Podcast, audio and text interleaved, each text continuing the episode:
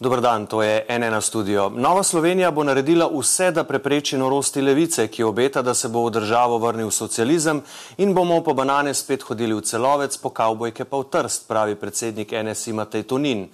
Koordinator levice Luka Mesec pa volitve 24. aprila bodo plebiscit. Narediti je treba vse za spremembo oblasti, sicer bo država še naprej drsela v diktaturo, pravica do splava bo otežena, mediji odvisni od politike, kruh in boljše zdravstvo pa bomo zamenjali za orožje.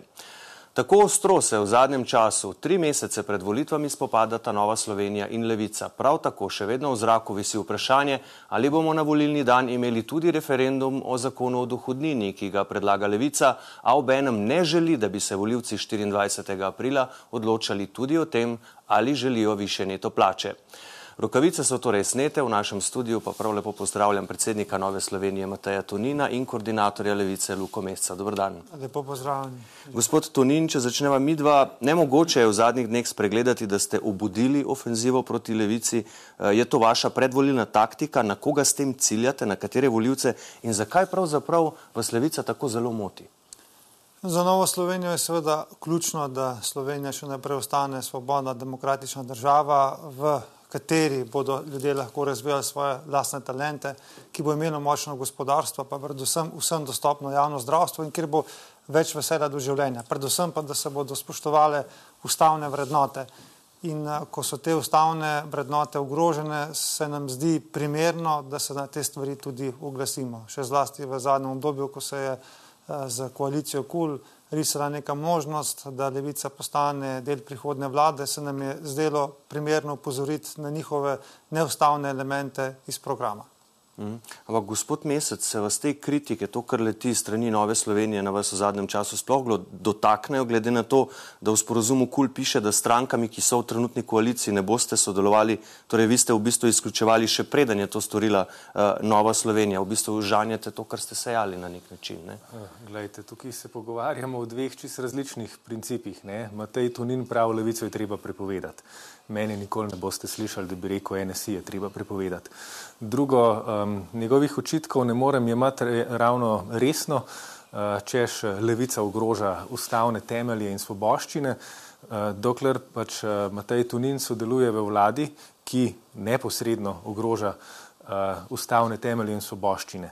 Ne, ogrožali bi politično svobodo s tem, da pravijo, da je nas treba prepovedati. Mislim, kje v Evropi ste pa še videli, da se kakšno stranko prepoveduje, zato ker nekomu ni všeč.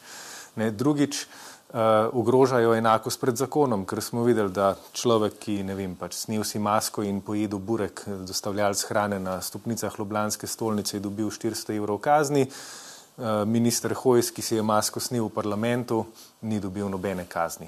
Se pravi, pač imamo pravno državo za ene in vse dovoljeno za druge. Uh, ne, potem uh, smo videli kriminalizacijo pač takih stvari, da če si vem, nalepo podplat na trg republike v znak protesta, si dobil kazen. Skratka, ta vlada, uh, v kateri sodeluje Matej Tunin, je vlada, ki tepta ustavne temelje in svoboščine, kot jih ni še nobena vlada do zdaj v Sloveniji in upam, da jih nobena ne bo. Po drugi strani je pa levica stranka, ki je bila prva vedno v obrambi političnih uh, svoboščin in tako bo tudi ostalo. Tako da vse te stvari, ki letijo v nas, so uh, izmišljije, ki uh, mejijo na pravličarstvo. Zdaj v nekih razvitih zahodnih demokracijah so razprave o ključnih ustavnih vrednotah nekaj popolnoma normalnega. Tudi v Nemčiji so imeli razpravo o programu AFD-a, po Franciji so imeli razpravo o programu Nacionalne fronte in Lepenove. To so konstantne razprave v nekih razvitih demokracijah.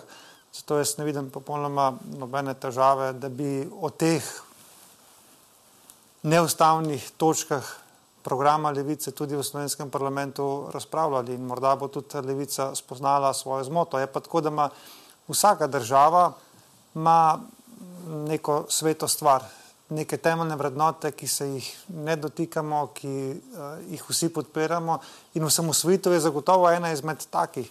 In ko naprimer poslanec Kordiš napiše, da je bila osamosvojitev velik natek, in zgolj neke vrste kapitalistična kontrarevolucija, in da to ostane brez neke resne reakcije stranke Levice, se mi zdi, da se imajo tisti osnovni temelji naše države.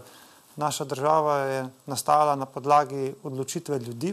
Na plebiscitu so se za zelo široko večino odločili, da se želijo samostojne in neodvisne države. In se mi zdi, da je bilo to zelo dolgo časa sprejeto za splošno dobro, kar se ne problematizira. In v vseh teh 30 letih smo naredili velik gospodarski premik naprej. Eh, država se je pospešeno razvijala in to se mi vsekakor zdi dobro. Tudi ta vlada je pa zdaj nastavila nov investicijski cikl, ki bo pa postavil prihodne temelje za nadaljnih 20 let. Pa vi želite, gospod eh, Tunin, glede na to, da je zdaj pobuda dveh državljanov na ustavnem sodišču, da se levica prepove? Bi vi prepovedali stranko levica? Lejte, jaz sem za to, da se spoštujejo pravni temelji, Slovenija je še vedno pravna država. A bi vi prepovedali stranko levice? Zato so potrebni določeni postopki. Najprej je potrebno ugotoviti, da je neka stvar neustavna, pa potem ima ta, je, seveda je, recimo včeraj, včeraj sem eh, citiral, pa lahko danes še enkrat citiram, recimo izpise iz programa stranke Levice, ki so objavljeni na njihovi spletni strani, kjer pišemo, bom recimo citiral, Lasništvo podjetij bomo prenesli v roke države in lokalnih skupnosti ter ustanovili delovske, kmečke in potrošniške zadruge.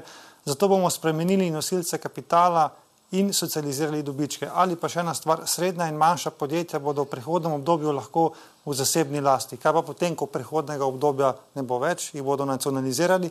Glede na to pa, da nam 33. člen ustave zagotavlja pravico do zasebne lastnine in do dedovanja. Skratka, to je ena taka konkretna določba, ki bi terjala neko revizijo strani stranka Levice. Ker v nasprotnem primeru to vrstne izjave odganjajo uspešne ljudi, odganjajo podjetja, eh, delajo veliko škodo Sloveniji. Kako odgovarjate, gospod Mesec? Ja, mislim, eh, eh, zanimivo si predstavlja demokracijo, ne, gospod Tunin. Eh, ker očitno je vaša uh, demokracija pač omejena s tem, da se niti razmišljati ne sme v drugačni družbi, v tej, ki jo imamo. In zakaj bi bil tak tekst, kot ste ga prebrali, v smislu pač nekega razmišljanja o možnih smerih prihodnosti, um, protiustaven? Je razmišljanje lahko protiustavno? Je debata lahko protiustavna? To me zanima, ne? Eh, ko pravite, da ste za svobodo govora. Zdaj, ali bo levica protiustavno delovala, bo pokazal pač vsak naš zakon, vsaka naš, naša pobuda, vsak naš predlog. In do zdaj ni bilo niti ene, ki bi bila protiustavna. Nasprotno smo pa z te vlade dobivali kup stvari, ki so uh, ustavno sporne. Uh, hodite po neodvisnosti medijev, uh, teptate pol osnovne politične svoboščine, prepovedovali bi konkurenčne stranke in tako naprej. Glejte, pač to, kar vi počnete, je, da izkazujete pač neke avtokratske težne in mi je žal, da ste se tega nalezali od uh, stranke, v kateri senci živite, to je SDS. Ampak, če ne, gospod... vas um, vprašamo pač konkretno, kaj narobe v delovanju levice, nam pa začnete pač recitirati uh, dobesedno tri Facebook objave uh, našega poslanca Mihe Kordiša. Pa če se samo na tole obesim, kar ste povedali, ne, da je protiustavno reči, da je bila osamosvojitev na teg. Pa lepo vas prosim, no, mislim pač eh, ljudje, ki so glasovali na plebiscitu za osamosvojitev, ja, so pričakovali, da se bo to, kar, smo, kar so v socializmu uh, zgradili, dosegali, pridobili, ohranilo in da se bo družba razvijala naprej v smeri nekega napredka. Dobili so pa marsikaj od tega, kar ni nihče pričakoval in si ni želel.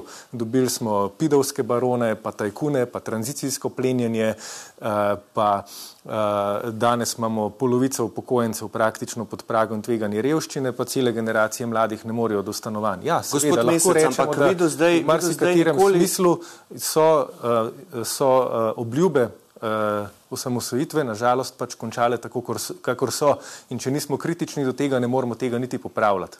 Ampak vi, gospod ja. Mesec, do zdaj še nikoli niste zanikali, da je to uraden dokument vaše stranke, ki je objavljen tudi na spletnih straneh. Istočasno pa pravite, da štejejo samo predvolilni programi. Ne? Zakaj ustrajate pri teh idejah, ki gredo očitno v smer ukinitve svobodne gospodarske pobude, če pa istočasno govorite, da štejejo samo volilni programi, kolikor vem, pa mislim, da vi svojega sploh še nimate. Ne?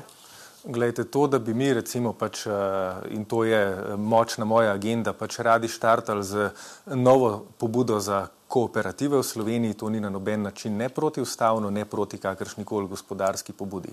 Kot sem rekel, to uh, ne zanikam, da to ni dokument stranke Levica, je dokument stranke Levica in ta razmišljanja so noter. Pa ste pripravljeni temu odpovedati tukaj na tem ta, mestu zdaj? Ta razmišljanja pač, prav, jaz vam govorim, da razmišljanja ne morejo biti protiustavna in da nas sodite po tem, kaj zagovarjamo in kaj počnemo. Ne? A smo že kdaj predlagali, da je treba kakšnega podjetnika razlastiti? Kdo je to predlagal in kje? A smo kdaj predlagali, uh, mislim, da ste kje drugje kot v propagandnih uh, trubilih desnice slišali, da se levica kar zauzema za neko vse splošno nacionalizacijo? Seveda se ne. Um, torej, se, pa, se pa trga pač nekatere pač dele uh, dokumenta, ki ste ga sneli dve leti nazaj z naše spletne strani in smo ga prežvečali dobesedno že desetkrat uh, iz konteksta, zato da se meče blato v nas. Uh, blato se pa meče v nas, zaradi tega, ker vaša predvolilna kampanja, govorim o celotni desnici, vedno temelji na nekem strašenju. Ne? In pač, ker se, trenutno ni nobenega drugega baobaba pri roki, ste se odločili z levice pač narediti ta baobab in to je vse, kar imam o tem zapovedati. Čeprav razumem, se, niste, se ne odrekate torej temu, ampak vi mi tudi niste odgovorili na vprašanje. Ne, jaz ne bom nikoli prepovedal to, da je kaj tazga protiustavno. Bi Zdaj, prepovedali moje, levico ali ne? Moje, se je že povedal, da bi jo.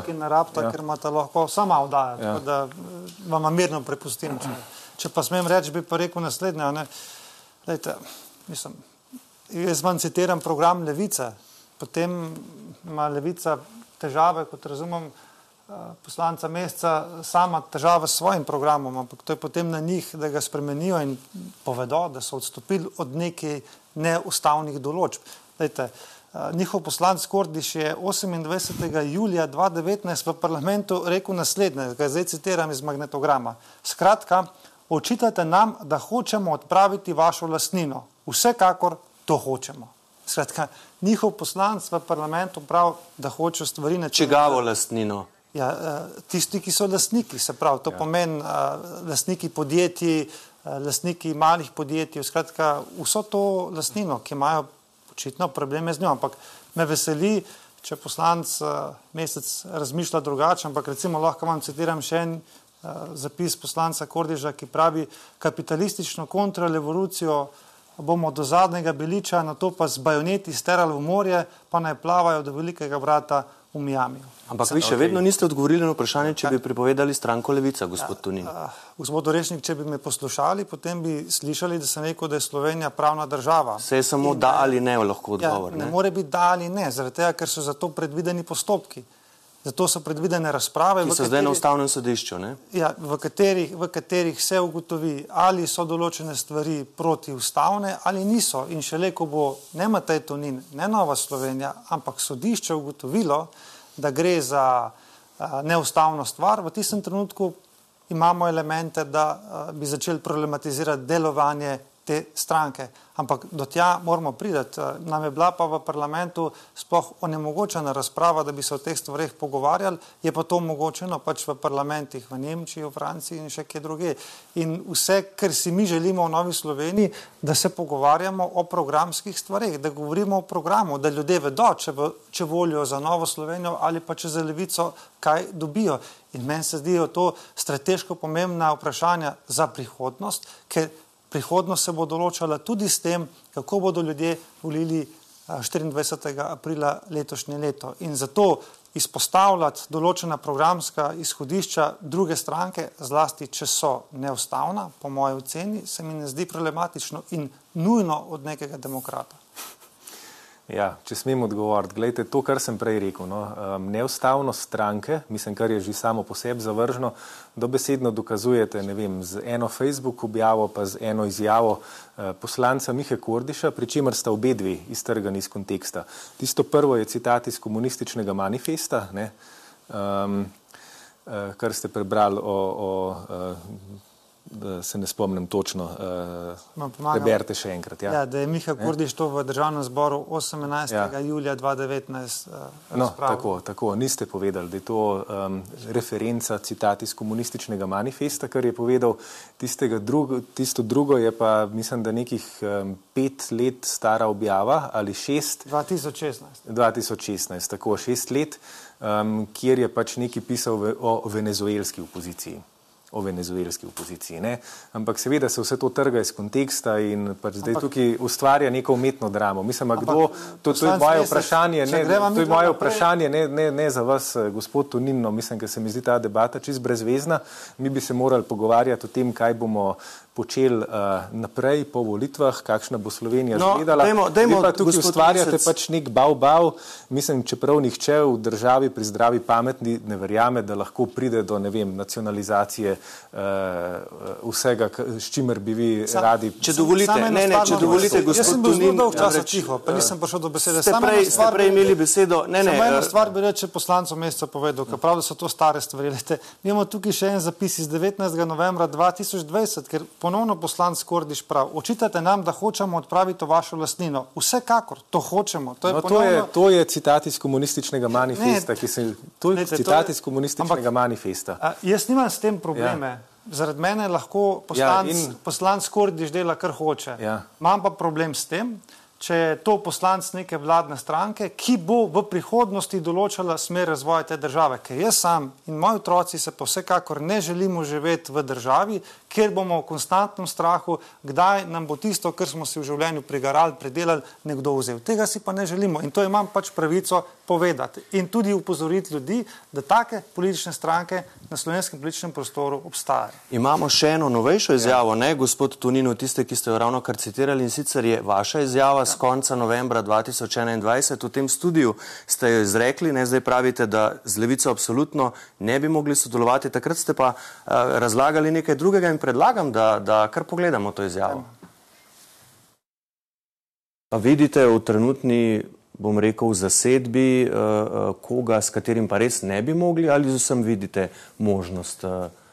Glede na slovenski proporcionalni volilni sistem, glede na to, da nobena stranka sama ne more oblikovati vlada, da je vedno potrebno dialog, kompromis, mi nikogar ne izključujemo. So pa stranke, s katerimi smo si bliže in s katerimi smo si dlje. So stranke, s katerimi bi bilo potrebno ogromno napora, usklajevanja in tudi potrpežljivosti, da bi lahko oblikovali neko vlado. So pa stranke, s katerimi bi to lahko storili relativno enostavno. Trdim pa, da danes nihče ne ve, kakšen bo volilni rezultat po 24 aprilu naslednje leto, kakšen bo tisti ponedeljek. Morda se bo pokazalo, da bo vlado izjemno kompleksno sestaviti, morda relativno enostavno.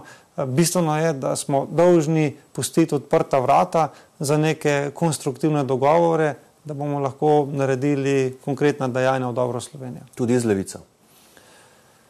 Kakšna bo prihodnost, je težko reči. Eh, morda bo ta zelo zahtevna, da bo potrebovala neko vlado narodne enotnosti, tako da morda bo prišel eh, trenutek, ko boste morali tudi morda Nova Slovenija in Levica iskati predvsem eh, točke, kjer lahko sodelujemo in ne točke, ki nas razdvajajo.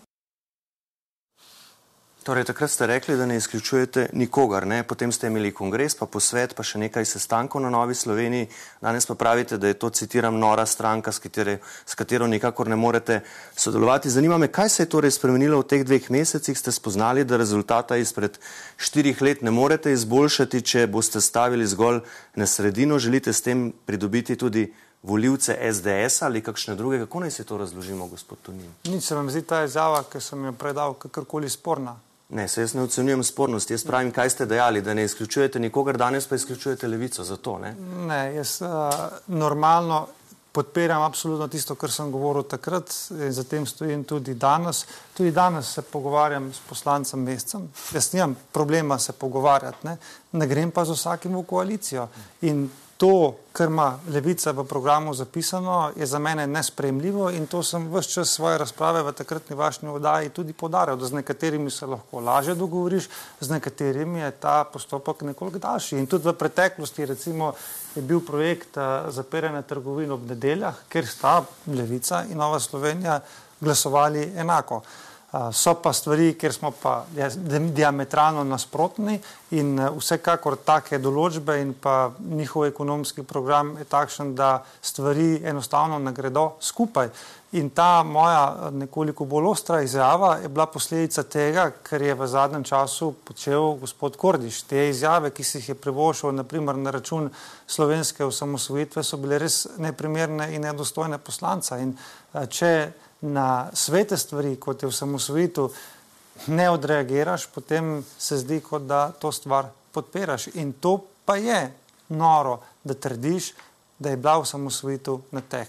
Slovenija je v vseh kazalcih v teh 30 letih napredovala, oziroma če uporabim izraz levice, potem bi rekel, ne, da na začetku naše osamosvojitve ali pa tik preden smo se osamosvojili, je mogel delavec delati s povprečno plačo cel mesec, da je zaslužil en, recimo, hladilnik. Danes uh, s povprečno plačo zasluži tri hladilnike. Tudi pri teh materialnih zadevah je država napredovala. Ko smo ravno pri plačah, gospod Mesec, ne, zelo jasno, če nam poveste, zakaj ste proti višjim neto plačam, ki bi jih prinesla uh, sprememba zakona o dohodnini?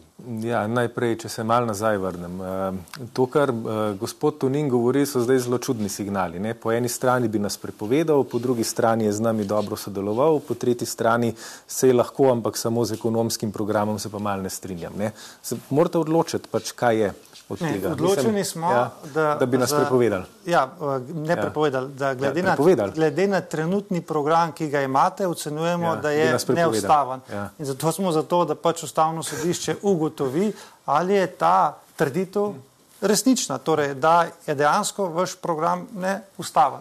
In potem, če bo to ustavno sodišče ugotovilo, potem se bojo postopki pelali naprej. Ukolikor ne bo ugotovilo, bomo ugotovili, da pač tukaj so naša stališča diametralno nasprotna. Ampak je pa jasno, da sedanjim vašim programom Nova Slovenija pa Levica ne morata biti v isti vladi. To je dejstvo. Je pa jasno, da so življenjske okoliščine zelo različne In uh, če vas ustavno sodišče ne bo prepovedalo, in če bomo skupaj v parlamentu, in če bojo okoliščine v tej državi izjemne, da bomo pa mende vendarle morali se tudi v določenih stvarih pogovarjati. Jaz sem pač tak tip človeka, tudi če mi nekdo ni všeč, jaz se še vedno z njim pogovarjam in še vedno lahko, uh, kljub vsem razlikam, poskušamo najti tudi kakšne. Čeprav bi ga prepovedal. Smo razumeli, smo ja. razumeli gospoda, da ja. se ne vrtimo predolgo v krogu. Če, če smem, no. Lahko nam ja. odgovorite na vprašanje, zakaj ste torej proti višjim neto plačam, gospod Mesec? Ja, gledajte, um, jaz odkar uh, obstajamo, pač vem, da je naš program v marsikateri točki diametralno nasproten s programom NSI, ampak uh, nočem pa živeti v državi, kjer bi se pogovarjali o tem, zdaj zato, ker se jaz ne strinjam z njihovim programom, treba njih kot stranko prepovedati. Mislim, to je pa zavržno. In uh, kdor ne vidi, da je to zavržno, um, je lahko zdaj dobil zelo lepo uh, ponazoritev proti demokratičnosti trenutne koalicije, ki se bo samo stopnjevala, če bomo šli po tej poti naprej po volitvah. Ne, se pravi, prvi pogoj, da ostanemo demokratična in odprta družba, je, da uh, te volitve dobi druga stran. Uh, drugič, ko se pogovarjamo o dohodnini, potem me sprašujete, ne, eh, mi smo za više plače, seveda smo za više plače, ampak problem tega pa je, da ne bo višjih plač, ampak bo samo prerasporedilo se 800 milijonov evrov. V... No, višja neto izplačila na račune bi bila, ne? to je treba vendarle povedati najprej. Uh, za ljudi na minimalnih poprečnih plačah in tako naprej bo to par deset evrov pribitka. Za menedžerje deset tisoč evrov bruto plače bo uh, pomenilo, da si za, mislim, da skoraj 300 evrov na mesec na boljšem. Če imaš 20 tisoč evrov brute plače, pa 600 evrov na mesec na boljšem. Se pravi, desetkrat, dvanajstkrat, petnajstkrat več, kot bodo dobili tisti z manjšimi plačami. Ne, in drugič, uh, ko se pogovarjamo o tem, komu ta zakon daje, eh, tisti na, z najboljšimi plačami, menedžerski sloj, bo pridobil še eh, razdavčene delniške opcije, pa dobil bo električna službena vozila, za katera ne bo treba plačevati bonitet, pa tisti, ki so lastniki stanovanj, ki jih oddajo, bodo praktično se znebili pol davčnega bremena, pa že zdaj blazno služijo na ta račun, ne? se pravi, davek bo padel iz 25 na 15 odstotkov, se pravi, en kup denarja se bo zapravilo za bogatitev najbogatejših. In ljudi, ki um, so resnična tarča tega zakona in ki bodo resnično materialno na boljšem, je kakšen ščepec v Sloveniji, uh, par tisoč. Gospod Tonin, res je, ne? To tisti ne z nižji, ampak res je, da bodo tisti z nižjimi plačami dobili pač najmanj, tisti z najvišjimi največ, tako to je pač pri, pri uh, splošni olajšavi, ki naj bi se uh, dvignila do 7500 uh, v prihodnih letih. Pa se vam kljub temu zdi ta zakon eden od ključnih projektov te koalicije. Zakaj? Ja, zato, ker pomembno uterja pot v boljšo prihodnost, ker bodo imeli vsi državljani više plače, ne pa da bodo vsi enaki v revščini. In zelo zgovoren je statistični podatek, da desetina slovenskih prebivalcev plačuje polovico dohodnine v Sloveniji. Ne. Normalno, da tisti, ki zaslužijo več, še vedno plačajo daleč ne več davka in bodo z tega naslova pri dohodninskih olajšavah dobili tudi kakšen evro več v odstotkih, pa manj kot tisti, ki imajo niže plače. Ampak eh, bistveno pa je, da eh, s to dohodninsko spremembo pridobivajo vsi. Poleg tega pa ta dohodninska sprememba prinaša še veliko takih stvari, ki so zelo pomembne, detalje včasih odločajo. Zaradi tega sem prepričan, da bo tudi na trgu več najemniških stanovanj, kar pomeni, da bodo številni ljudje lažje prišli do stanovanja. Tudi povdarja ali pa uvaja določene nove olajšave pri financiranju, pri vlaganju v šport, kulturo in podobne stvari. In ne na zadnje prinaša tudi eh, gasilsko olajšavo. Lejte, vsi operativni gasilci, ki jih je danes po Sloveniji ogromno in delajo za to družbo, bodo pri povprečni plači imeli približno 600 eh, evrov na leto več. Eh, in s tem si bodo lahko pokrili nek primeren dopust, ne bogat, primeren dopust in na takšen način bo država kompenzirala in priznala njihovo delo za našo skupnost. Celo vrsto je takih eh, lepih elementov v tem zakonu, eh, ki eh, delajo našo družbo boljšo, ker se od naših zasluženih plač država odreže manj. In tukaj gre za konceptualno vprašanje. Mi trdimo, da vi, tisti, ki denar zaslužijo, bolje vedo, kaj bodo s svojim denarjem naredili, kot pa država preko proračunskega razreda. Tukaj je diametralno, diametralno nasprotna pozicija. Vi ste, gospod Mesec, tu v Levici predlagali potem posvetovalni referendum in Janševa koalicija vas je taktično gledano preigrala. Premijer je nakazal možnost, da bi koalicija podprla ta vaš predlog za posvetovalni referendum. Zdaj podporniki Levice vas na Twitterju že pozivajo, da se nikar ne umikajte. Ne? Kako boste zdaj preprečili, to je bil kot nekakšen šah, ne? kako boste preprečili šah mat, kako se boste izvlekli iz tega pad položaja, in ob tem ostali tudi zvesti svoji politiki in svojim voljivcem. Ja, gledajte, to je eno od bistvenih vprašanj. Ne? Se pravi, um, kako bomo um, uporabili teh 800 milijonov, ki bi jih ta vlada za to, da razdeli neke, neka predvolilna darila, um, ki se bodo izkazala za nič vredna, pa bom povedal zakaj. Um, ampak kako boste prišli iz tega položaja, v katerem ja, ste se zdaj znašli? Ampak gledajte, če, če smem najprej tole. Ne, jasno je, zakaj si desnica želi ta referendum, ker po vsem, kar je gospod Tonin danes povedal, je jasno, da desnica pač nekega resnega programa nima. Ne pogovarjamo se o prihodnosti, ne, Um, njegov program ima v bistvu dve točki. Pač prvič, eh, levico je treba prepovedati ne? in zdaj boste um, toliko časa pač vrteli to temo, da uh, boste poskušali ustvariti ta strah pred levico in bodo rekli, ja, je, vem, ti levico je pa treba prepovedati. Um, druga točka pa je, če boste volili nas, boste dobili više plače. Te više plače pa gledajte, um, kot prvo, uh, povedal sem, kakšno je razmerje, tisti z 20 tisoč evri bo dobil 12 krat toliko kot tisti z minimalno plačo. In drugič, um, vi bi ta zakon izvedeli v letu, ko imamo um, zaradi tega, ker ste že tako z milijardami izposojenega denarja um, pospešili gospodarstvo, imamo visoko gospodarsko rast, imamo polno zaposlenost in tako naprej. In zdaj bi vi vrgali še 800 milijonov v obtok. In če vržete teh 800 milijonov v obtok, ob polni zaposlenosti, si lahko preberete, gospod Tonin, kakšen ekonomski učbenik, ki pove, kaj se v tem primeru zgodi. Pač samo cene se povečajo, pač pride do neke inflacije in ljudje pač ta denar zgubijo skozi više cene. To bo učink za večino prebivalcev na poprečnih in minimalnih plačah. In drugič, ne, kar je pa še bolj pomembno, je pa to, s tem, ko boste to naredili, se država odreče 800 milijonom v proračunu, ki bi jih lahko uporabljala za pametne stvari. Lahko bi jih uporabljala za gradno javnih najemnih stanovanj. To je rešitev na stanovansko krizo, ne pa upanje, da če boste znižali davek na nepremičnine, bodo pa ljudje začeli stanovanje dajati v najem. Pa lepo vas prosim, danes se ta stanovanja prodajo kot čisto zlato tukaj v krog. Mislim, se se to dobesedno vsaka lukna za 60 tisoč evrov proda. Mal pogledajte na nepremičnin.net, pa boste videli, kakšno je stanje stanovanje. Država potrebuje javno stanovansko gradno in te gradne ne bo, če pristanemo na ta davek. Drugič, država potrebuje ozelenitev. Mi moramo priti do uh, solarizacije Slovenije, za katero ne bo denarja, če pristanemo na, na, na dohodnino. Država potrebuje modernizirati zdravstveni sistem, zato ne bo denarja, eh, če se to gremo in tako dalje. Ne? In vem, v naši državi smo navajeni, da ko gremo k zdravniku ali pa pošljemo otroke v šolo, je to načeloma zaston. Ampak to ni samo umevno. Če bomo pač uničili proračun s takimi no. predlogi, uh, tudi to ne bo več samo umevno v prihodnosti. No, jaz to, kar zdaj poslušam, ja. ne, bi razumel, da vam Luka Mesec želi povedati, da on in država boljše ve, kako z denarjem, kot pa vi sami. To je glavna poanta.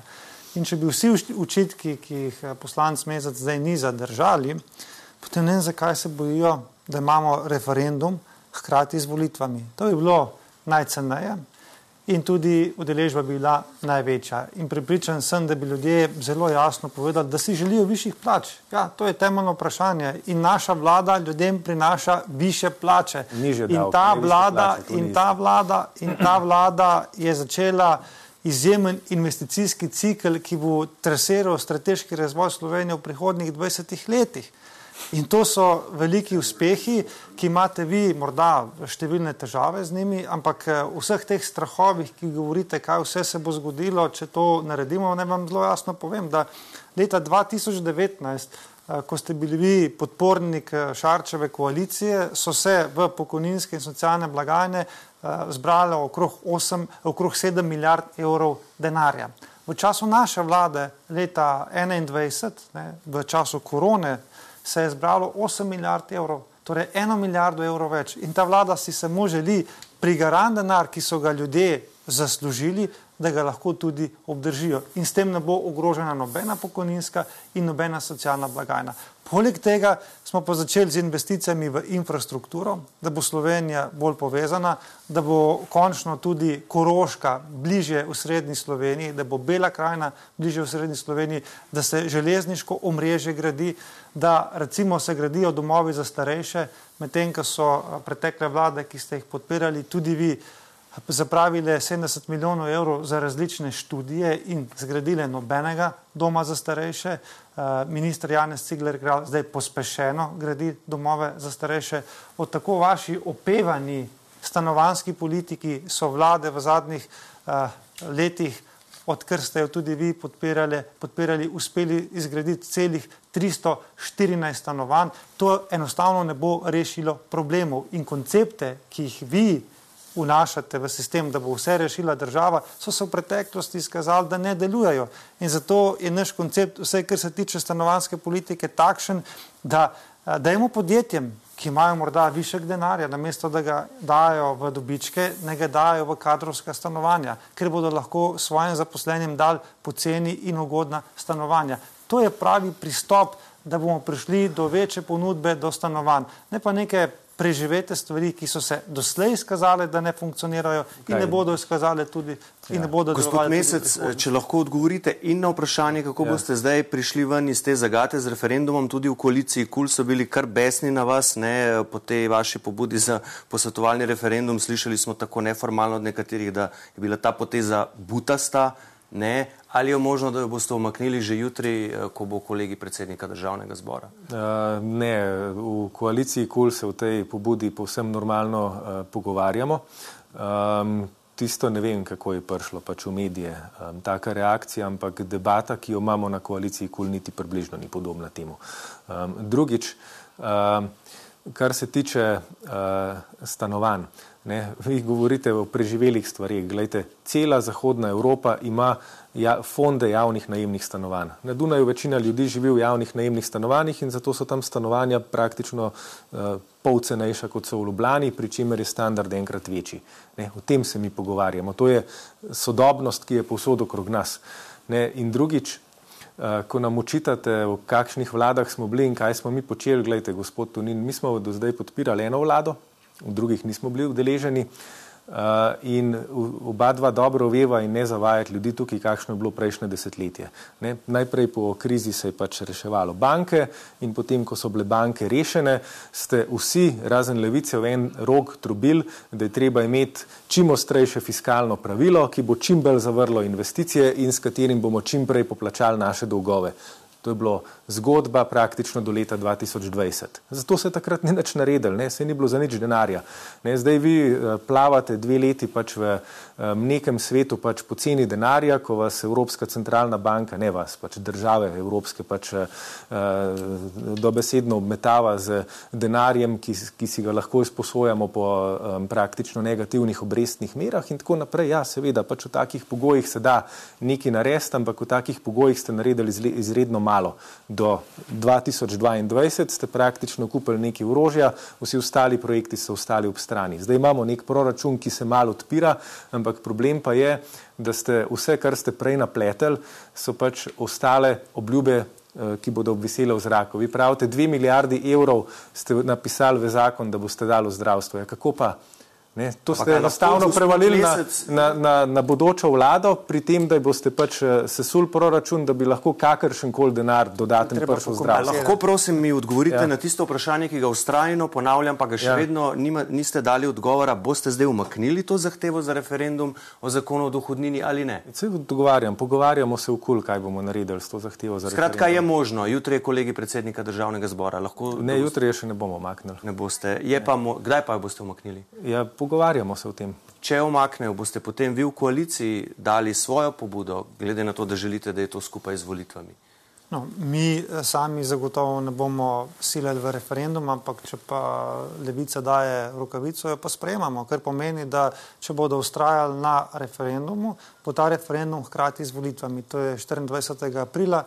Zato je potrebno imeti eh, večino v parlamentu, to večino imamo. Tako da na, na levici je, da se odloči, če oni ustrajajo pri referendumu, bo hkrati z volitvami ali pa ga ne bo. Njihova je odločitev. Ampak vsem bi rad pokomentiral eno stvar glede javno-finančne situacije, ker tukaj se pa s poslancem mesecem pa strinjava, ne, da je bilo preteklo desetletje precej drugačno, kot so pa zadnja leta.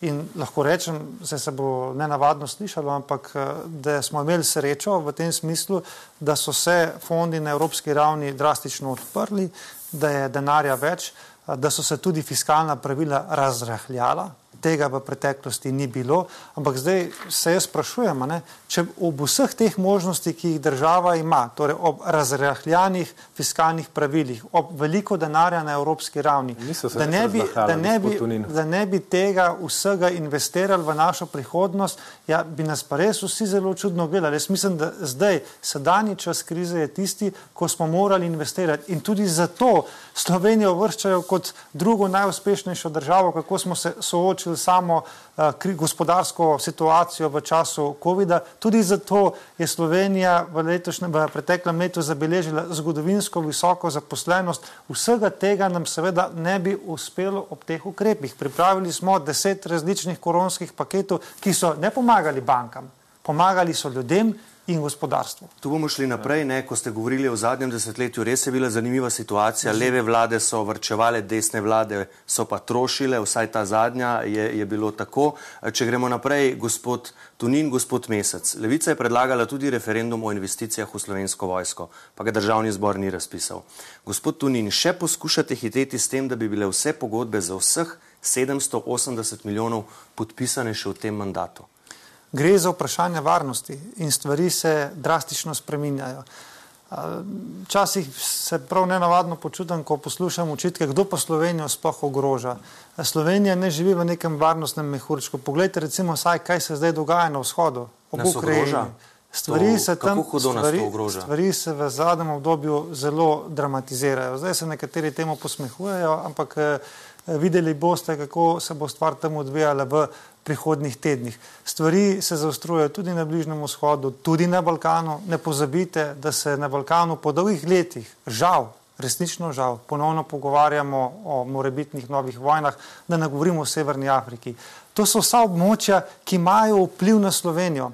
In Slovenija je dolžna kot odgovorna članica mednarodne skupnosti prispevati k miru in varnosti. In ko mi pošiljamo naše vojake na Balkan, v Severno Afriko ali na Bližnji vzhod ali pa tudi na vzhod Evrope, jih pošiljamo zato, da v tistih krajih in koncih pomagajo ohranjati mir in varnost. Sem ste prišli iz koalicijskega vrha, ravno kar ste o tem govorili na tem koalicijskem vrhu. Kaj lahko poveste o tem? No, kaj smo govorili na koalicijskem vrhu, vam seveda ne bom povedal. Ker, je povezano s to varnostno ker nismo, situacijo? Ker nismo tak tip koalicije, da bi naših, o naših razpravah govorili na medijih ali pa na pločnikih pred vlado varnostna situacija zaradi Ukrajine in Rusije je bila to tema? Povedal sem vam, da o naših koalicijskih pogovorih ne bom govoril na televiziji. Dobro, gospod Mesec, če pridete vi v naslednjo vlado, kaj boste naredili s temi pogodbami, ne, ki jih je omenjal tudi gospod Tunin, če bodo podpisane še zdaj v tem mandatu, glede na to, kako ostro nasprotujete investicijam v slovensko vojsko, eh, kaj boste z njimi storili? Ne? Eh, boste tudi tu sprejeli kakšen kompromis, ker spomnim se prav v tem studiu, ne? ste že rekli, da ste se izstopu iz NATO vsaj te zahtevi eh, odpovedali, če se boste pogovarjali za vstop v novo koalicijo KUL. Ja, um, ne bomo pogojevali uh, vstopa v koalicijo z izstopom iz NATO, bomo pa ustrajali pri tem, da se čim manj zapravi za orožje. Ker gledajte, um, jaz mislim, da je predvsem treba malce umiriti um, in ne zganjati panike. Ker jaz uh, varnostno situacijo, mislim, to, kar tu ni omenja, ne v Ukrajini, berem takole. Um, Putin zaradi notranje političnih razmer že praktično od leta 2010 mal napenja mišice ne, um, uh, pred Zahodom. Uh, Zahod oziroma NATO pa to izkorišča za to, da pospešuje, mislim, da, da se ustvarja pač neko ozračje strahu in da se uh, dviguje obrambni proračuni in da seveda pač uh, vojaška industrija um, prodaja pač svoje uh, produkte državam članicam NATO. Zato... Torej vas ne skrbi to, kar se dogaja zdaj v Ukrajini? Jaz mislim, da to um, nima nobenih potencijalov, da bi se v resno vojno razraslo, še manj ima pa to potencijal, da bi na kakršen koli način vplivalo na Slovenijo. Oziroma um, obratno, uh, kar Slovenijo trenutno ogroža, uh, ni situacija v Ukrajini. Kaj pa na Balkanu? Slovenija se mora vprašati o svoji prihodnosti in se začeti ukvarjati s tem, kako bomo mi postali uspešna, razvita uh, in solidarna družba, ne pa da zapravljamo stotine milijonov evrov za um, orožje, ki ga kupujemo zaradi tega, ker um, obe strani, iz, ena iz uh, biznis interesov, druga pa iz notranjih političnih, pač poskušata ustvarjati neko paniko v svetu. Varnost je temeljna dobrina. Če ni varnosti, potem ne more funkcionirati ne gospodarstvo, ne zdravstvo, ne šolstvo, ni česar. In najprej treba to zagotoviti, potem se seveda lahko o vseh ostalih stvarih pogovarjamo. Slovenija je, kar se tiče varnosti, izjemno racionalna. Mi za potrebe obramnega proračuna namenjamo 1,3 odstotka BDP-ja, kar je bistveno manj od drugih zaveznic. Eh, prav tako pa za investicije v obrambo namenjamo en odstotek državnega proračuna in uh, en odstotek zagotovo ne more biti uh, preveč. Razumem pa, da je to nek opozicijski šlager levice, ki vedno te stvari uh, izpostavlja, ampak uh, najverjetneje pa razumete, da se vsaka država more storiti vse, da zagotovi varnost svojim državljanom. Bomo šli tu naprej, ker imamo še kar nekaj tem za obdelati, pa smo že kar nekaj časa porabili. Ne, Včeraj so kratek, zelo, zelo en stavek, ja. prosim, gospod Mesec, ja. moramo naprej. Glejte, to sem že včeraj povedal. Uh, slovenske investicije uh, strani države na leto znesejo približno eno milijardo evrov. Če bomo dosegli cilj, kakršnega si zadajate, se pravi, da bomo imeli 2 odstotka BDP vojaških izdatkov, to pomeni, da bomo za vojsko vsako leto dali milijardo. Ampak to so zaveze NATO, Obrambno ministrstvo, ljudje- obrambno ministrstvo pod gospodom Toninom se približuje temu. Prav, mi bomo enako zmetali za vojsko, kot bomo zmetali za, uh, za, za investicije vse ostalo. V stanovanja, v, v bolnice, v domove za starejše, v železnice. V redu smo ceste in razumeli, gospod naprej. Vse to je gremo vredno naprej. kot, so, Uh, kot je Včeraj so, vojska. včeraj so ljudje Ja. na jesenicah zaradi visokih položnic za ogrevanje celo protestirali, ustavili promet, tako naprej. Kaj bi vi, če bi bili že zdaj v vladi, konkretno, me zelo zanima, naredili ob tem naraščanju zneskov na položnicah ponekod v Sloveniji, konkretno, kateri ukrepi, gospod Mesec? Treba je pomagati revnejšim gospodinstvom, ker uh, to je bilo zelo uporabno poročilo um, Sursa zadnjič. Revnejša gospodinstva so tista, ki so zaradi energetske krize bistveno bolj prizadeta kot ostala, ker ta uh, gospodinstva porabijo 50 odstotkov svojih prihodkov pač za tekoče stroške in za hrano. Cene hrane Kateri tudi ukrep? rastejo. Kateri ukrep? Ukrep pa je, um, če hočete pač kratkoročni ukrep, je to voucher, če hočete, uh, sred, se pravi, da se pač tem ljudem enostavno razdeli nekaj denarja, ampak jaz nisem naklonjen uh, temu pristopu. Uh, mislim, da je enostavno pač uh, treba dvigniti prihodke pač uh, najrevnejšim ljudem. Se pravi, pogovarjati se o revalorizaciji uh, nadomestil za brezposelnost, minimalne plače, socialnih nadomestil in najnižjih pokojnin. Gospod Tunin, že od petka čakamo vašega ministra Jerneja Vrtovca, da pripravi predlog energetskih voucherjev, kar mu je zdaj naložila koalicija, ali šele zdaj, ne, čeprav se je že v začetku decembra o tem govorilo. Zakaj to še ni pripravljeno? Komu bo pripadla ta pomoč? Samo tistim na minimalni plači ali tudi komu drugemu? Ne? Ker zdaj so te cene šle tako gor, da tudi nekdo s povprečno plačo, a ne, se mu to zelo, zelo pozna, če mora plačati 250 ali pa 300 evrov na mesec za, za položnico za ogrevanje. Se strinjam z vami, tudi zato bi bilo zelo koristno, če bi sprejeli in potrdili a, zakon o dohodnini, ki ga blokira levica in ki bi vsem ljudem prinesel više plače. Tukaj je, ta, ta ukrep je bil zagotovo najhitrejši in pa najbolj učinkovit. A, Če se spominjate, smo pred časom sprejeli deseti protikoronski ukrep, a, v katerem so bili številni draginjski dodatki. Tistim najranljivejšim upokojencem smo dodali konkretne zneske, da so jih dobili pri eh, pokojninah, tudi drugim ranljivim skupinam. To je bila torej, prva poteza in tudi tako smo se na vladi dogovarjali, da v, da v decembru da najprej gremo s protikoronskim paketom. Zdaj pa vaj, voucherji? Vouch za, za ostale ukrepe zaradi energetske krize ima pa minister na nalogo, da do konca januarja predlaga predloge rešitev, eh, ki jih bomo potem tudi predlagali v sprejem državnemu zboru. Skratka, kdaj bodo zadeva- ljudje potem dobili ta denar? Je, čim prej, ko bo stvar sprejeta v državnem zboru, razen če bo spet kakšna blokada z referendumom, ampak jaz pričakujem, da tega ne bo. Eh, Zato mislim, da bi se ta stvar relativno hitro lahko zgodila. Bojo pa šle stvari v smeri voucherjev, to je ena zadeva, pa še določene druge smeri, naprimer, da se država v enem delu odpove omrežnini, a, da se odpove določenim davčnim dajatvam in a, trošarinskim dajatvam in, in podobno. Te stvari se zdaj pripravljajo, konec januarja bodo predstavljene in potem a, bodo tudi, upam, da čim prej sprejeti. Da ne, bo, da ne bo že prej konec zime. Uh, uh, včeraj je presenetila novica, da je mađarski sklad Diofa povezan s krogom premijeja Orbana tik pred tem, da od sklada Jork odkupi 43 odstotni delež v družbi Sava, ki je glavni slovenski hotelir, ne več kot 3000 postelj imajo po, vsem, po vsej Sloveniji. Gospod Mesec, glede na to, da so bili načrti zdravka počevalška v bistvu drugačni, ne, on je sanjal, da tako rečemo, nekakšnem turističnem holdingu, kako se zdaj razlagate, da je, da je, da je pa zdaj prišlo do tega? Um, mislim, da je to bolj vprašanje za gospoda Tunina. No, ampak kako vi, mene zanima ja. res, kako vi gledate na, na to zdaj, ne, da očitno Mačari vse bolj ne samo, da so prisotni v slovenskem bančništvu, ja. ne, uh, s, to je največja bančna skupina zdaj v Sloveniji, ne, načrtujejo po poročanju nekaterih medijev, da ne bi Dovta bo zdaj Mačarom prodala Istrabenz turizem. Kako to vi vidite? Ja, mislim, jaz sem svojo tezo povedal že dve leti nazaj in to je, da um, ko je bil Janša na oblasti v treh vladah do zdaj, vsakič je imel idejo o tem, kako vzpostaviti lastno um, ekonomsko elito. Prvič je poskušal z spodbujanjem lastnih menedžerjev, da prevzamejo podjetja in bodo postali pač njegova varijanta, ne, tako imenovane rdeče buržoazije, kot se je temu takrat rekel.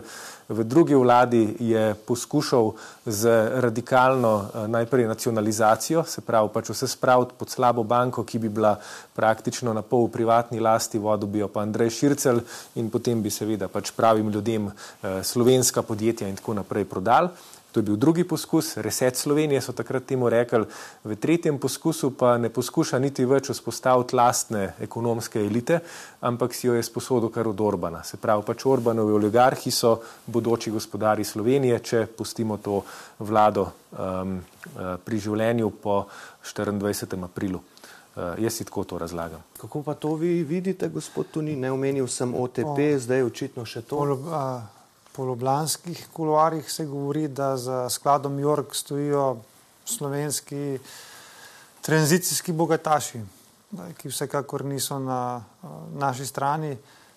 So, Mačari pa so. Ne, da bi jaz vedel. Ne, ampak ne vem, kaj ima tukaj pri tem vlada ali SDH, če nek sklad York, za katerem ne bi stala tranzicijska levica, zdaj prodaja to stvar Mačarom ta logika ne gre skupaj. Ne. Problem bi bil to, kar vi govorite, če bi naprimer SDH to prodajal ali če bi država prodajala, ker pa gre za privatni sklad York. Ne, bo SDH svoj ne, danes, svoj je, danes je SDH napovedal, so tudi dali posebno javno izjavo, da ne nameravajo tega prodati. Mislim, da je pred časom celo ministr za gospodarstvo komentiral, da nasprotuje tej prodaji. Tako da tisti, ki so bolj v teh krogih tranzicijske levice, ki se združujejo okrog sklada, je ork, njih bi morali vprašati, kje so razlogi za prodajo Mačarom. Kako pa veste, da so tranzicijska levica, jih poznate?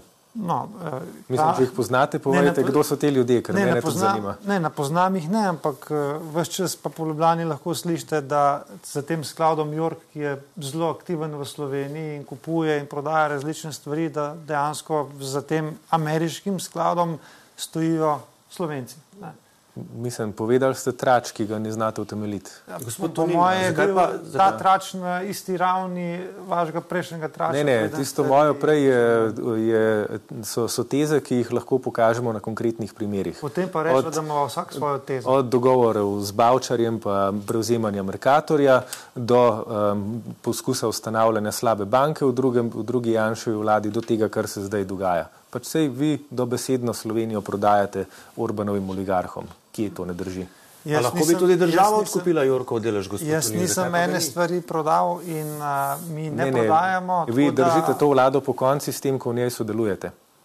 Lejte, in ta, ne morete se uprati odgovornosti za stvari, ki jih ta vlada počne. Ne morete reči, je... to počne SDH, ne pa mi, ali pa to počne Janez Janša, ne pa mi. Ne, to počnete vi, ker ste v tej vladi.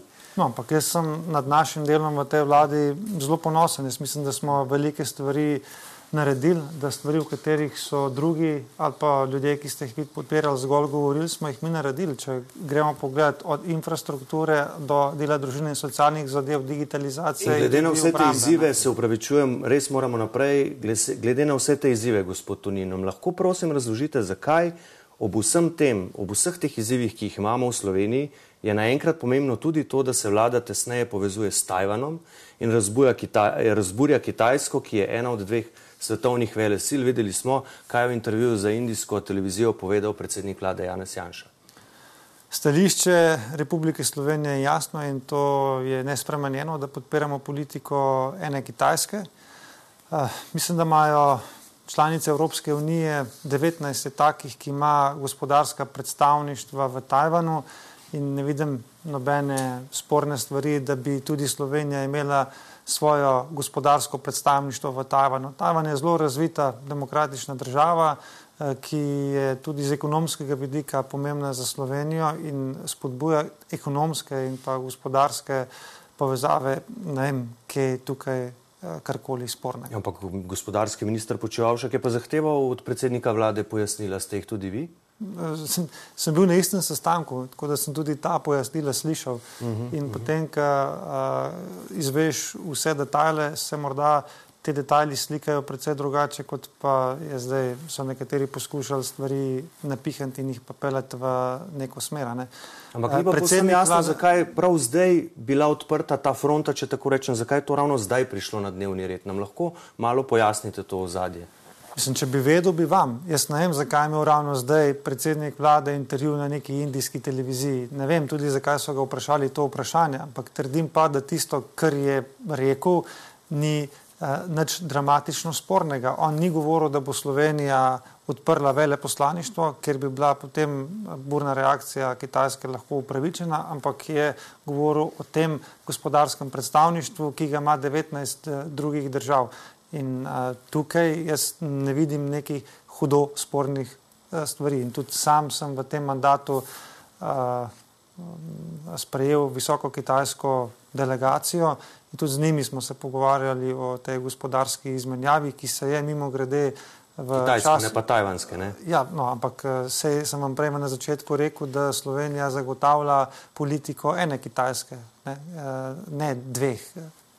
Da, Ampak Kitajska je, ni razumela pre, izjav predsednika vlade na tak način. Ne? Kitajska pravi, da so te izjave nevarne. Ne? Če Kitajska dojema in to pravi, da dojema Tajvan za del Kitajske, potem bi moralo biti tudi gospodarsko sodelovanje med Slovenijo in Tajvanom v njenem interesu. Mi tukaj resnično nikogar ne ogrožamo, pogovarjamo se o gospodarskem sodelovanju, ki verjamem, da je v interesu vseh. Vaš pogled na to zadevo, gospod Mesec, če boste vi v naslednji vladi, kakšno zunanjo politiko boste vi eh, zagovarjali, glede na dosedanja stališča levice, bi lahko morda kdo sklepal, da vam bo bliže Kitajska kot pa ZDA?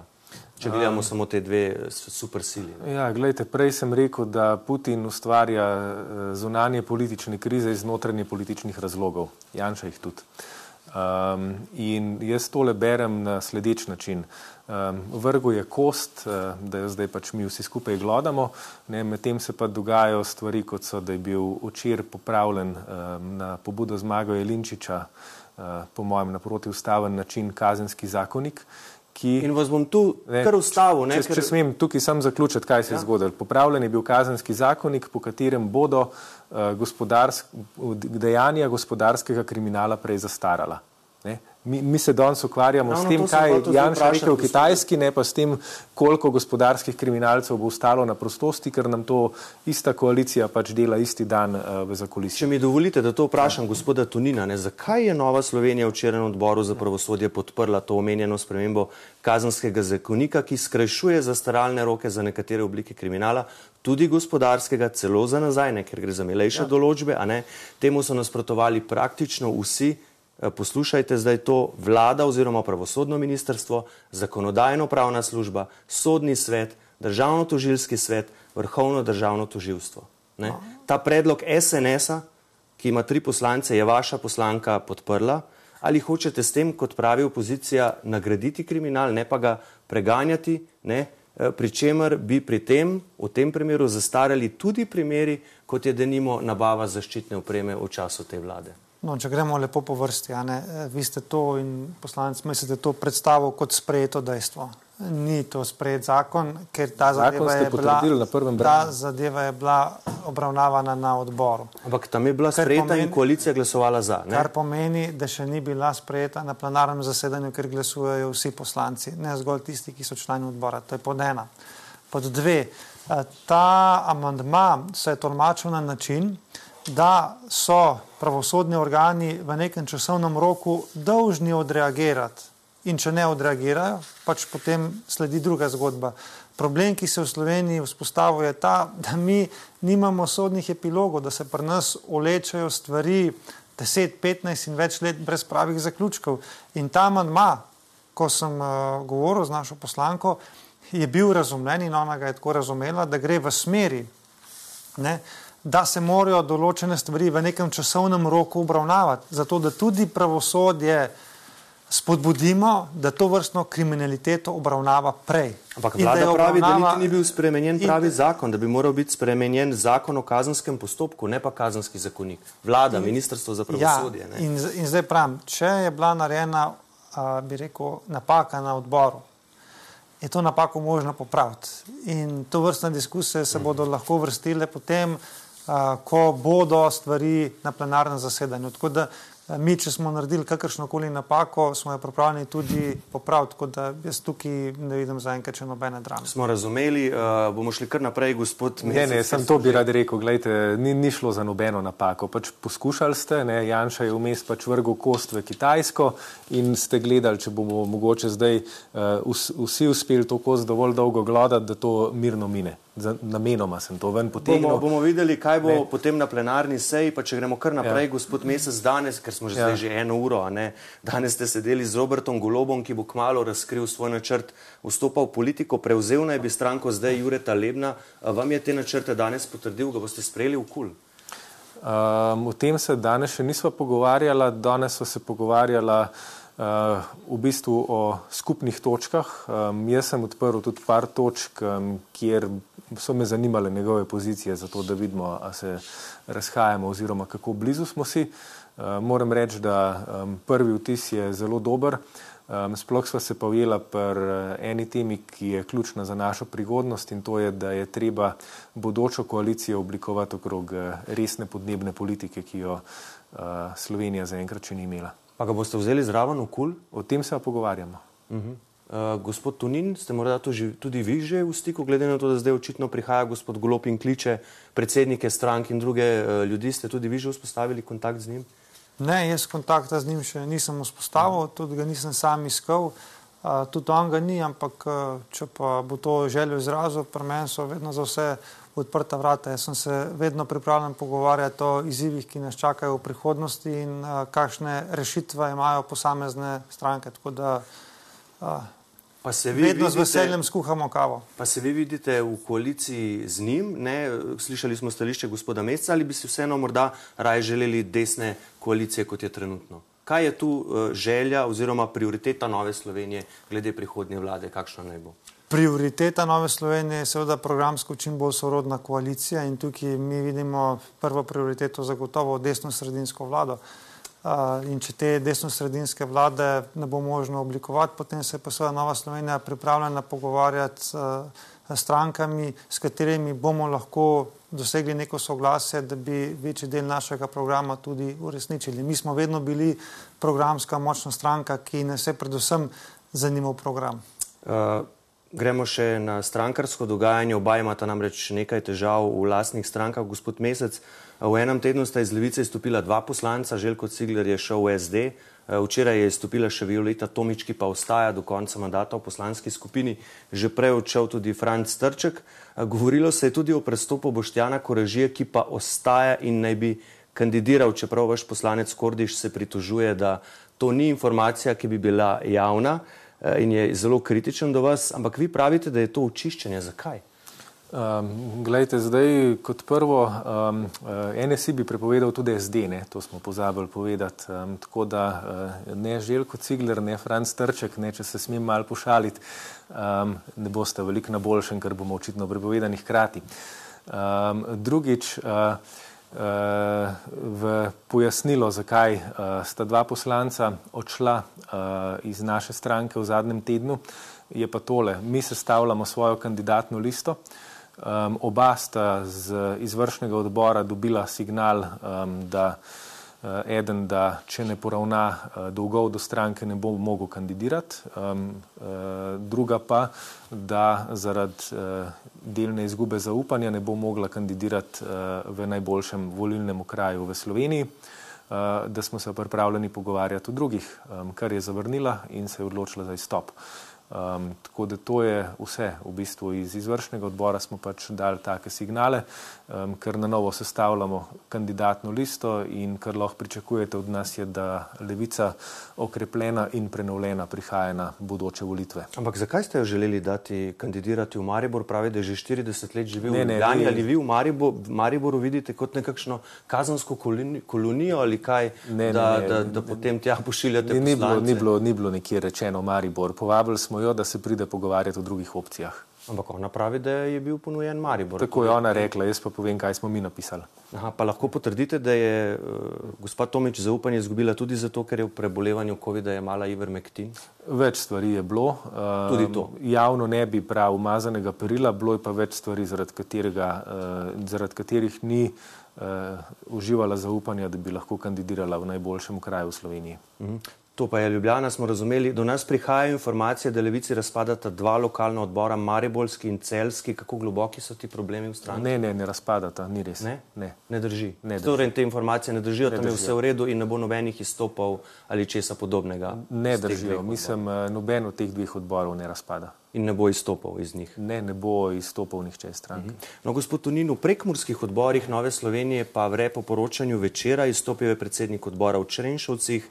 O nesoglasjih govori nekdani predsednik regijskega odbora, gospod Horvat. No, povedujejo se prestopi v našo deželo Aleksandre Pivec. Vse naj bi se spremenilo, ko je regijski odbor prevzel sin vaše, vo, vašega vodje poslanske skupine Jožefa Horvata, Miha Horvat. Predtem ste se krščansko vse zmenili, od takrat naprej pa ni več tako, je slišati iz prekmurja. Kar mene zanima je, gospod Pivec se je doslej razumelo kot zaveznico te koalicije. Ne, ne na zadnje ste nedolgo nazaj sedeli skupaj uh, na kosilu, torej eh, predsedniki koalicijskih strank in gospa Pivec, zdaj pa vam je speljala nekaj ljudi v pomorju oziroma vam jih bo. Kaj to pomeni? No, v tem tednu se je Nova Slovenija ukrepila z novim ministrom. K nam prihaja Jože Podgoršek, ki bo zagotovo ukrepil Novo Slovenijo in jo še bolj vsebinsko naredil močno, zlasti na področjih kmetijstva in podeželja. Eh, veseli me, da imamo tudi močno povezano poslansko skupino. Mi smo začeli s sedmimi poslanci, sedmimi poslanci bomo tudi zaključili ta mandat, smo povezana močna poslanska skupina in tukaj se pač uh, kaže bistvena razlika med strankami, ki smo tradicionalne, ki smo dolgo časa na slovenskem političnem prizorišču, v primerjavi s tistimi, ki so nabrane iz uh, vseh vetrov. Glede zgodbe v Prekmurju, ki jo omenjate, pa lete, to niso naši člani. Ne? Gospod, ki ga omenjate, je nedavno izstopil iz Nove Slovenije ja, in ko je pa nekdo ni član Nove Slovenije, je pa popolnoma njegova stvar, komu se priključuje in s kom se deluje. Da, pa se vam sem... zdi to nič čudnega, glede na to, da ste zavezniki, da boste tudi nekako, če pride tudi ta stranka v parlament, ste se nekako že dogovorili, da boste oblikovali skupaj naslednjo vlado. Eh, je to nekaj običajnega, da si znotraj, eh, eh, bom rekel, zaveznikov takole nekako no, ljudi. Ma, jaz sem vesel, moram reči, da sem, če se je gospod Črpnjak iz nami razšel, ker uh, nismo v polnosti uresničevali njihovih interesov, ker uh, Jaz sem vedno dejal, Nova Slovenija ni nikoli stranka za uresničevanje osebnih ambicij. Mi smo tukaj zaradi skupnih vrednot in ker nam gre za Slovenijo. Kdor pač tega ne spreme, si izbere kakšno drugo stranko. In če je gospod zapustil našo stranko, moram priznati, da jaz še vedno raje vidim da se je priključil gospe Pivec, kot pa da bi se gospodu Mescu. Aha, še nekaj je bilo treba, treba razčistiti. Ne, ko, ste zdaj, ko ste omenjali gospoda Podgorška, ne, ko je bila novinarska konferenca, ste tudi med drugim na vprašanje odgovorili glede ministra za digitalno preobrazbo Drži. gospoda Andrijaniča, ste dejali, da se zdaj nekako odloča, ali bo kandidiral v novem mestu ali Ljubljani. Drži. Mi in ne samo mi, tudi drugi novinari smo to razumeli tako, da dileme, ali bo kandidiral ali ne, ni več, da je dilema v bistvu samo še o tem, kje bo kandidiral. Ampak takoj po tej vaši izjavi, bliskovito hitro smo dobili odziv strani eh, ministra Andrijaniča, da še ni te odločitve, da bo kandidiral. Torej, kaj je zdaj tu res? Uh, smo vas narobe razumeli ali ste se vi narobe izrazili? Ne, popolnoma pravilno ste me razumeli. To pomeni, da uh, vsi ministri Nove Slovenije bomo kandidirali, uh, seveda pa so odprti pogovori z ministrom Andrijaničem. Tukaj je na tnalu, če želite, uh, okraj v novem mestu, iz katerega izhaja, ali pa okraj, v katerem živi. Uh, Seveda pa ima tudi gospod Andrijanič družinsko zgodbo, eh, ki se ji reče, da ima svojo ljubo ženo v Londonu in je rekel, da mora pač tudi narediti sam premislek, ali se tudi v naslednjem mandatu še vidi v politiki, ali bi raje odšel k svoji ženi v London, ker ne na zadnje je tudi sam izrazil željo, da si mm. želi ustvariti družino in ustvarjati družino. Eden v Ljubljani, drugi v Londonu je včasih eh, precej težko. Smo razumeli, da, se torej očitno še ni odločil gospod Andrej. Se, bo... se, se to je napisal. Ampak... Ja, ampak vi ste rekli, da je samo še vprašanje ali Ljubljana ali novo mesto. Očitno ste se malo nerodno izrazili še za konec. Zelo ostro ste na novi 24 nastopili tudi pred, eh, proti svoji predhodnici na mestu uh, predsednice stranke Ljudmili Novak. Politična mama ste ji tudi takrat Eh, dejali in tudi večkrat. Zdaj pa menite, citiram, da svoj osebni interes postavlja pred strankarskega, s tem, ko si upa javno kritizirati premija Janšo in da boste z njo upravili poglobljen pogovor. Potem ste imeli posvet, tam je bilo kar burno, nekateri so izstopili v bran, nekateri so jo kritizirali po naših informacijah in tam se je tudi odločila, da do volitev ne bo več javno nastopala, da ne bo s tem uh, škodila stranki. Svojih pogledov pa seveda ni spremenila je to v bistvu utišanje Ljudmile Novak in pod vprašanje, če se bo letos odločila za kandidaturo za predsednico države ali bo dobila podporo Nove Slovenije. Nova Slovenija je odprta in demokratična stranka in pri nas se mnenja živo soočajo in tudi mi imamo redne posvete, tako da med sebojno komuniciramo. Jaz sem vesel, da smo se z Ludmilo res lepo pogovorila in da smo se strinjala, da bo oba, da vsak po svojih močeh delala za to, da Nova Slovenija doseže čim boljši rezultat.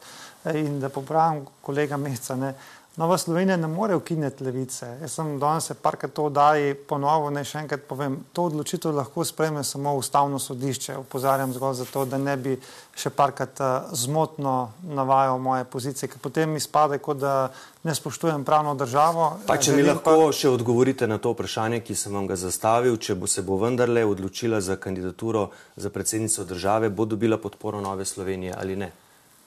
Zanimivo, da ste pozabili, da smo se v tem studiu o teh stvarih že pogovarjali. In takrat eh, sem rekel, da koga bo podprla Nova Slovenija, je predvsem odvisno od naslednjih stvari. Ne?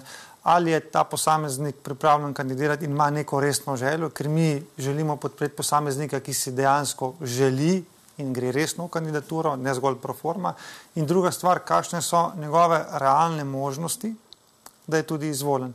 Ker teh, ona je rekla, da ne bo kandidirala dveh... kot strankarska kandidatka, ampak kot kandidatka s podporo voljivcem. Ampak še vedno je vi kot stranka Nova Slovenija, kot stranka, ki jo je nekdaj vodila deset let, lahko date podporo. Jo boste ali ne?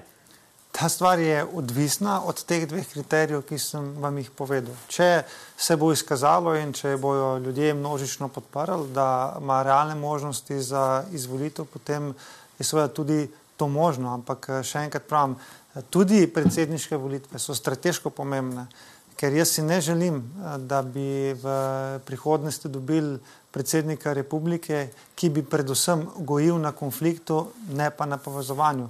Predsednik Bord Pahor je bil dober predsednik, ker se je iskreno trudil, da je različne dele te države, tako po političnem, kot tudi po kakšnem drugačnem smislu, posredoval. In jaz si želim, da tudi v prihodnosti dobimo to vrstnega predsednika, ker je to ne na zadnje tudi njegova ustavna funkcija, da narod povezuje. Vi že imate, gospod Mesec, kandidata za levice, za predsednika države ali predsednico?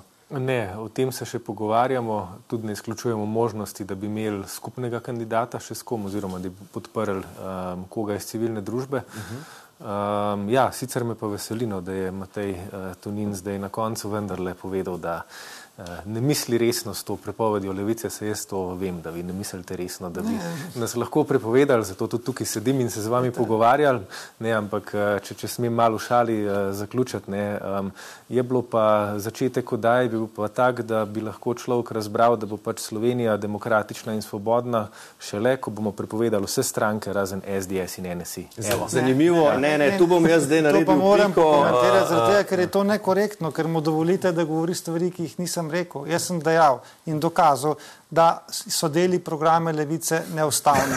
Ampak, da to ni stvar Nove Slovenije, redu je, da zadevo Ja. karkoli ukinja, ampak je to stvar ustavnega sodišča. In uh, se pa Zanimivo, zanimivo, da smo po več kot eni uri spet na začetku, a ne, to tudi veliko pove o smiselnosti nekaterih pogovorov v politiki, čeprav se pa vsi strinjamo, da pogovori so vedno koristni. smiselni Ja, in so nujni. In, Ja, kaj ne, jaz sem ga poskušal zaključiti. tako Da, Eh, Hvala lepa. Ne, veliko stvari smo obdelali v času, do volitev bo tega še eh, veliko več. Eh, Zdaj je tudi uradno, ne, predsednik je danes državni volilni komisiji potrdil, da volitve res bodo 24. aprila. Čakamo samo še 9. februar, da ta, eh, to formalno tudi eh, stori, torej razpiše volitve. Torej danes je bila nekakšna uvertura v pestro volilno kampanjo in zato se vama, spoštovana gosta, lepo zahvaljujem. hvala lepa. Hvala pa tudi vam, če ste zdržali z nami. Upam, da ste, če ste karkoli iz eh, te razprave, burne razprave, zamudili, bodo, bo seveda v kratkem vse skupaj na voljo tudi na naši spletni strani nnainfo.si, kjer nas spremljate še naprej. Iz studija pa lepo zdrav in nasvidenje.